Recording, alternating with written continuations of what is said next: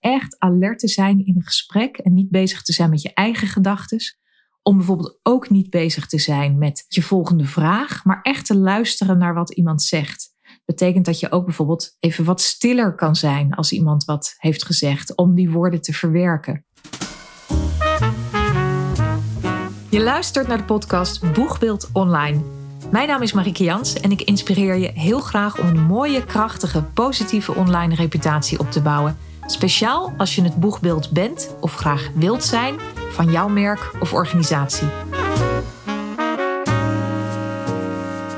Goedemorgen wil ik zeggen, want als ik deze podcast opneem is het nog heel vroeg. Maar misschien luister je hem wel in de middag of in de avond. Dus sowieso fijn dat je er bent, dat je luistert. Deze aflevering gaat over charisma, de tweede aflevering over dat onderwerp. Maar ik wil wat dieper ingaan op de componenten van charisma. En ik wil je vertellen dat het misschien wel een soort way of life is. Want wellicht is het een onderwerp waarvan je denkt: ja, dat past mij niet zo, of daar heb ik niet zoveel mee, of dat is niet voor mij weggelegd, charisma. Ik denk dat het veel dichterbij ligt, veel meer in de kern ligt van wie we zijn, of waar je hè, waar een goed leven om kan gaan, dan dat je denkt. Laat me dat uitleggen. En ik zit vol in dat onderwerp, want over anderhalve week geef ik een training over video en charisma. Dus bij mij leeft dit onderwerp volop. En hoe meer ik erover, ja, hoe meer ik me erin vastbijt, hoe enthousiaster ik erover word. Dus ehm, nou, ik nodig je vooral uit om mee te gaan in deze aflevering op dat enthousiasme. Als eerste even het effect van charisma. Want we leven natuurlijk in een wereld waar het allemaal gaat om, of heel vaak in ieder geval, om uh, je eigen succes en jezelf verbeteren. En dit lijkt ook zo'n onderwerp te zijn. Maar ik denk dat er ook een andere kant aan zit. Want het effect van charisma is dat andere mensen zich in jouw bijzijn beter voelen over zichzelf. Dat ze met een frisse, nieuwe, meer hoopvolle, meer positieve blik naar zichzelf kunnen kijken door jou, door de energie die jij uitstraalt. Nou, dat vind ik al een heel mooi gegeven. Dat je iets, hè, je zet een soort ripple effect neer, wat niet alleen over jezelf gaat. Hè, je bent zelf de aanstichter ervan, maar het brengt iets teweeg bij een ander. En dat wat het teweeg brengt, is dat een ander een hoopvollere, betere, fijnere blik heeft een fijner gevoel heeft over zichzelf, hoe iemand zichzelf ziet, daar kun je dus iets in geven, daar kun je iets in verbeteren. Die energie kan omhoog. Dat kan uplifting zijn. Ik heb er geen mooi Nederlands woord voor, maar uplifting is denk ik het woord ja, wat hier de kern van is. Dat je dat voor elkaar krijgt. dus iemand komt bij jou en uh, iemand gaat weg bij jou. En als je het verschil meet in, nou, in, in energie, in positiviteit, in hoe iemand naar zichzelf kijkt, dan is dat allemaal gestegen daarna. Dat is mooi, toch? Dat is een mooi gegeven. Dus dat is wat het bij de ander doet. Hoe je dat voor elkaar krijgt, ja, dat zit in drie componenten die je aan kunt zetten in jezelf. Die je meer kan vinden, meer kan tonen, meer kan opzoeken, meer op cruciale momenten er kan laten zijn. En die drie elementen, ik noem ze even nu kort, maar of ik eh, benoem ze en daarna ga ik ze uitleggen, zo moet ik het zeggen. Die elementen zijn presence, dus aanwezig zijn, volop alert zijn in het moment. De tweede is warmte, warmte uitstralen. En de derde is kracht. Dat gaat om, uh, ja, om je power. En uh, die heeft meer uh, aspecten in zich dan je nu zo zou denken. Laat ik ze alle drie even toelichten. Present zijn, ja, dat is natuurlijk, hè, we hebben, er zijn het internet, de wereld overal stikt van alles over mindful zijn. Dat je er met je mind bij bent, dat je aanwezig bent in het moment. Uh, en ik denk dat het meer dan alleen mind is, ook uh, je body natuurlijk. Ja, daarmee sta je volop aan. Daarmee ben je niet in, hè, als je in een gesprek bent met iemand, niet in gedachten bij iets anders, bij het vorige wat zich heeft afgespeeld of bij het volgende wat zich heeft afgespeeld. Of ben je intussen bijvoorbeeld bezig met andere gedachten in dat gesprek, met oordelen over iemand terwijl je iets anders vertelt. Volop aanwezig zijn in het moment zorgt ervoor dat een ander zich echt volop gezien en gehoord voelt. die, is, die staat volop even in het centrum van jouw aandacht. Jij bent er volop en dat maakt natuurlijk elke interactie leuker. Je kent vast van die momenten dat je, dat je even echt goed aanstaat. En dat je helemaal alert bent. En dat bijvoorbeeld ook je intuïtie op dat moment heel erg aanstaat. Omdat je er gewoon bent, omdat er ruimte is. Nou, een ander voelt dat natuurlijk direct. Een ander voelt ook direct als jij niet aanwezig bent. Mijn drie kinderen zijn altijd, die wijzen me daar altijd op. Als ze iets aan me vertellen en ik zeg, huh. En ze, ze weten ogenblikkelijk natuurlijk dat ik ze niet echt hoor op dat moment. Dat ik bezig ben met mijn werk bijvoorbeeld. En dat hun, hun boodschap of hun verhaal of hun vraag niet aankomt. Dus die wijzen me daar altijd feilloos op. En ik kan je vertellen, het gebeurt veel vaker dan dat ik zelf zou willen. Dus ik weet dat ik daar absoluut iets in heb na te streven, iets in heb te verbeteren. En ik denk dat dat voor heel veel van ons geldt. Om echt alert te zijn in een gesprek en niet bezig te zijn met je eigen gedachten. Om bijvoorbeeld ook niet bezig te zijn met, met je volgende vraag, maar echt te luisteren naar wat iemand zegt. Betekent dat je ook bijvoorbeeld even wat stiller kan zijn als iemand wat heeft gezegd, om, het, om die woorden te verwerken. Nou, dat is, hè, dat, ik denk dat dat een continue oefening kan kan zijn. En wat mij betreft, maar ik denk dat velen dat met me eens zullen zijn, maakt dat je leuker gezelschap. Iemand die er echt is, die er zonder oordelen, zonder bijgedachten, zonder uh, een hoofd wat eigenlijk er op een andere plek is op dat moment. Dat is één. Het tweede is warmte. Lukt het je om met een liefdegevuld hart door het leven te gaan? En als je dat doet, zien mensen dat direct aan je ogen aan je gezicht. Denk bijvoorbeeld maar aan, hè, als je je ogen even dicht doet en je denkt aan iemand die je heel graag mag, die jou altijd een warm gevoel geeft, waar jij vrolijk van wordt. En je doet dan je ogen open, dan gebeurt er iets hè, in je blik. Dat kan een ander zien, maar dat kan je zelf ook voelen. Ehm, en dat is natuurlijk ook een prachtige, ja, iets prachtigs om na te streven in je leven. Om zonder oordeel en zonder slachtofferschap en zonder jezelf klein te maken, in staat bent om liefde te geven, wie er ook voor je staat, om warmte te geven, om energie uit te stralen, op zo'n manier dat een ander dat voelt, dat dat merkbaar is. Nou, betekent dat je je oordelen opzij schuift, betekent dat je echt stevig in je schoenen staat ook, want hè, je kan alleen maar iets geven als, je het, als het bij jouzelf in orde is. Want anders wordt het, ehm, ja, dan is het een soort vals geven. Dan ontstaat er een soort rare verhouding in en een soort slachtofferschap ook. Dus het moet eerst bij jezelf in orde zijn. Maar als dat, als jouw hart groot en gevuld is en vol liefde is en vol warmte is, ja, oefen dat of je, je zorgt ervoor dat dat gevuld is, dan kun je dat geven ook. En dat is super merkbaar voor andere mensen.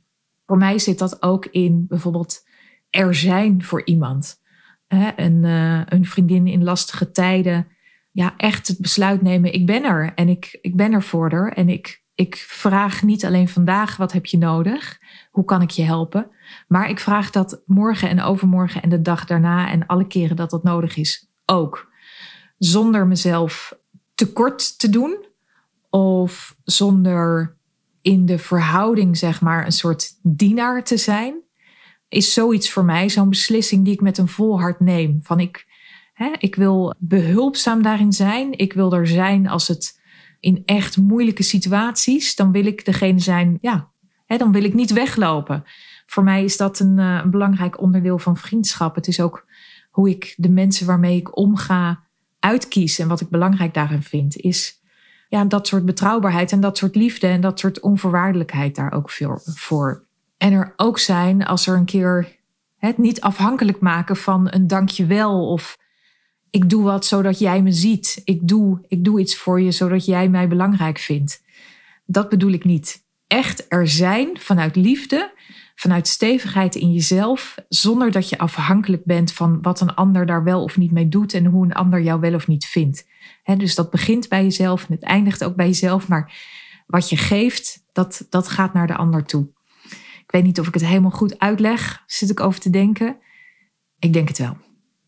En het derde gaat over kracht. En dat is er zo eentje waarvan je kan denken, ja, moet ik dan hè, zo krachtig, zo iemand die op zijn strepen staat, iemand die het hoogste woord voert, iemand die een grote meningen heeft.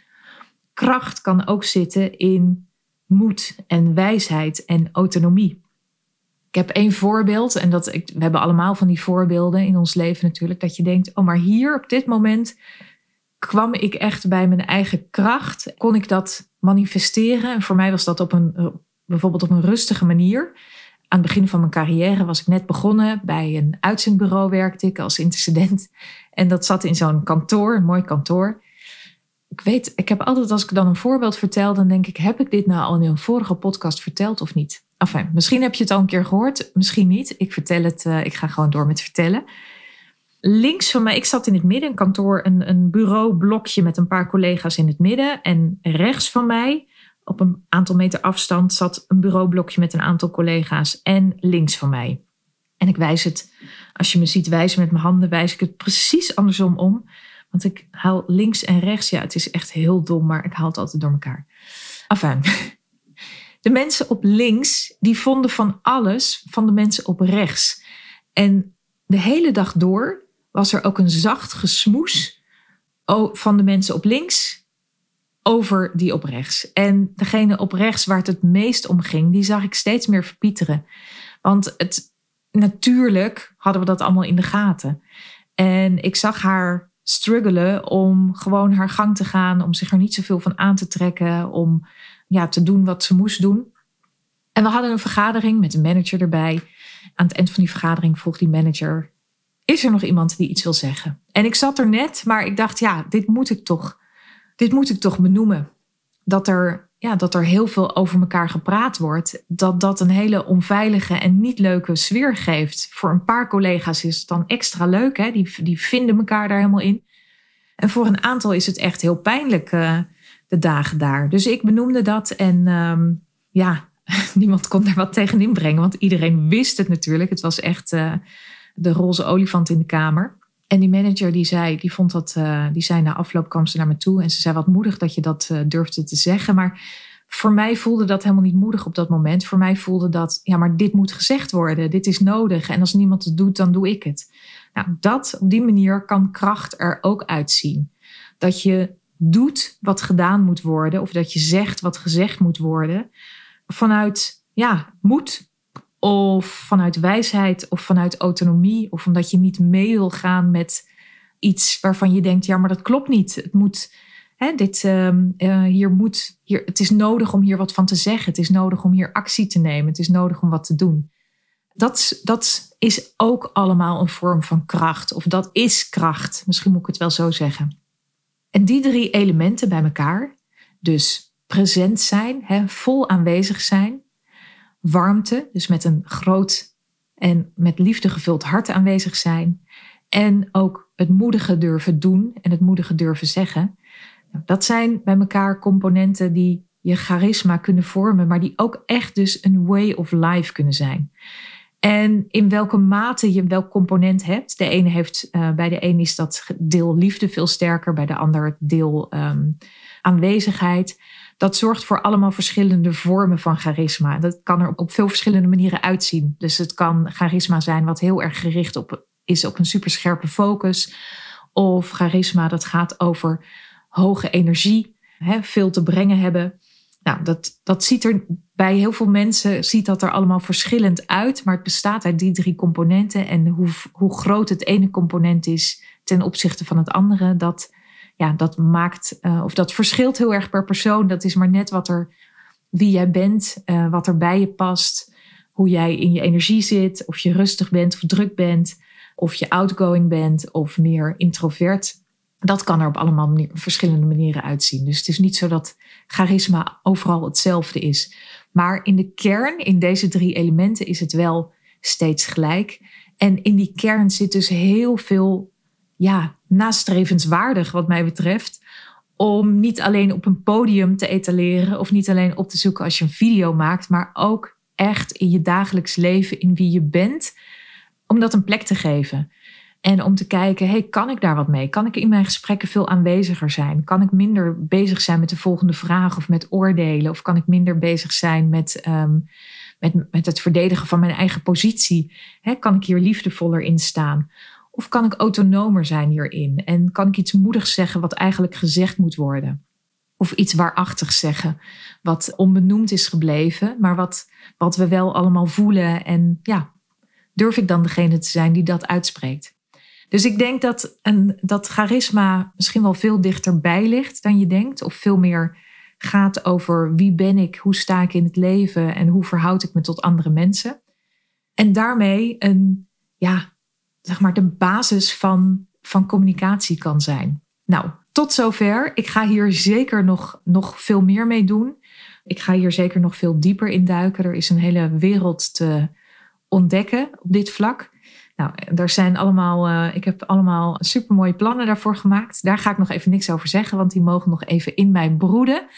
Maar die, uh, die gaan dit najaar gemanifesteerd worden. Dan ga ik daar wat mee doen. Dus daar hoor je op een later moment wat van. Voor nu, ik ben benieuwd wat je van deze aflevering vindt.